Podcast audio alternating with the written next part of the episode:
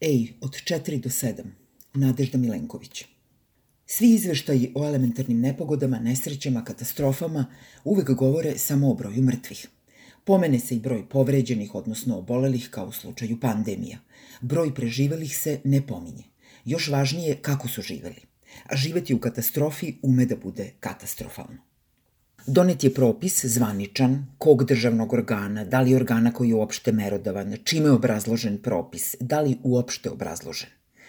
Da ljudi stariji od 65 godina, kojima je već iznebuha i diskriminatorno pod pretnjom izuzetno velike novčane kazne, zabranjeno svako pojavljivanje na ulici, nedeljom smeju da odu u neku specijalnu i samo za njih otvorenu prodavnicu. Ali, između 4 i 7 ujutru. Verovatno nećemo saznati kao ni za toliko drugih stvari, koje i na osnovu kojih podataka, istraživanja, anketa, promišljanja i vaganja zaključio da je ovo ispravna ili barem opravdana ideja. Da li je do nje došao tim ljudi i ako jeste, kakve stručne kvalifikacije ti ljudi imaju? Jesu li psiholozi, socijalni radnici, lekari, sociolozi, pravnici, gerontolozi? Ili su to neki ljudi koji su sedeli i razmenjivali porodične anegdote. Moji matorci rano ustaju pa zaključili da su svi koji pređu 65. voljni da pre svitanja pohrle u radnju.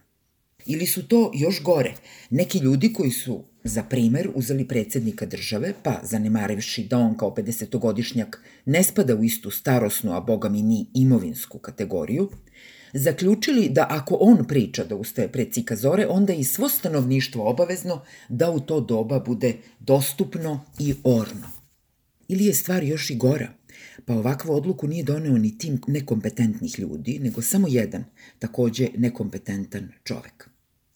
Bilo kako bilo, htela sam da kažem da je kao, što bi rekli u reklamama, naučno dokazano da postoje ljudi ševe i ljudi sove. Prvima je organizam prirodno naštalovan da se rano bude, drugima da kasno ležu i kasno ustaju.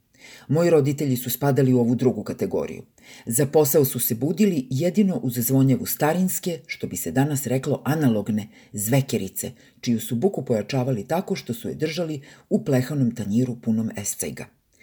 Ta tehnika je bila toliko uspešna da je budila i babinu sestru koja je živela u dvorištu pored, ali ne i babu koja je spavala u sobi pored, jer genetika i ni decenije prisilnog buđenja nisu učinile da im pod starost rano ustajanje postane navika.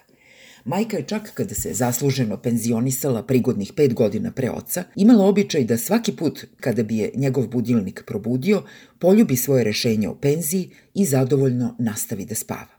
Naravno, moji roditelji sada ne bi bili u situaciji da im država propiše ovakav, po njih, surov režim kupovine ali to što bi oni imali nekog da umesto njih nabavlja namirnice, ne umanjuje moj gnev. Koliko duše treba da nemate pa da smislite takvu segregaciju? Koliko srca treba da nemate pa da ljude, makar i imali običaj da rano ustaju, dovedete u tako ponižavajući položaj?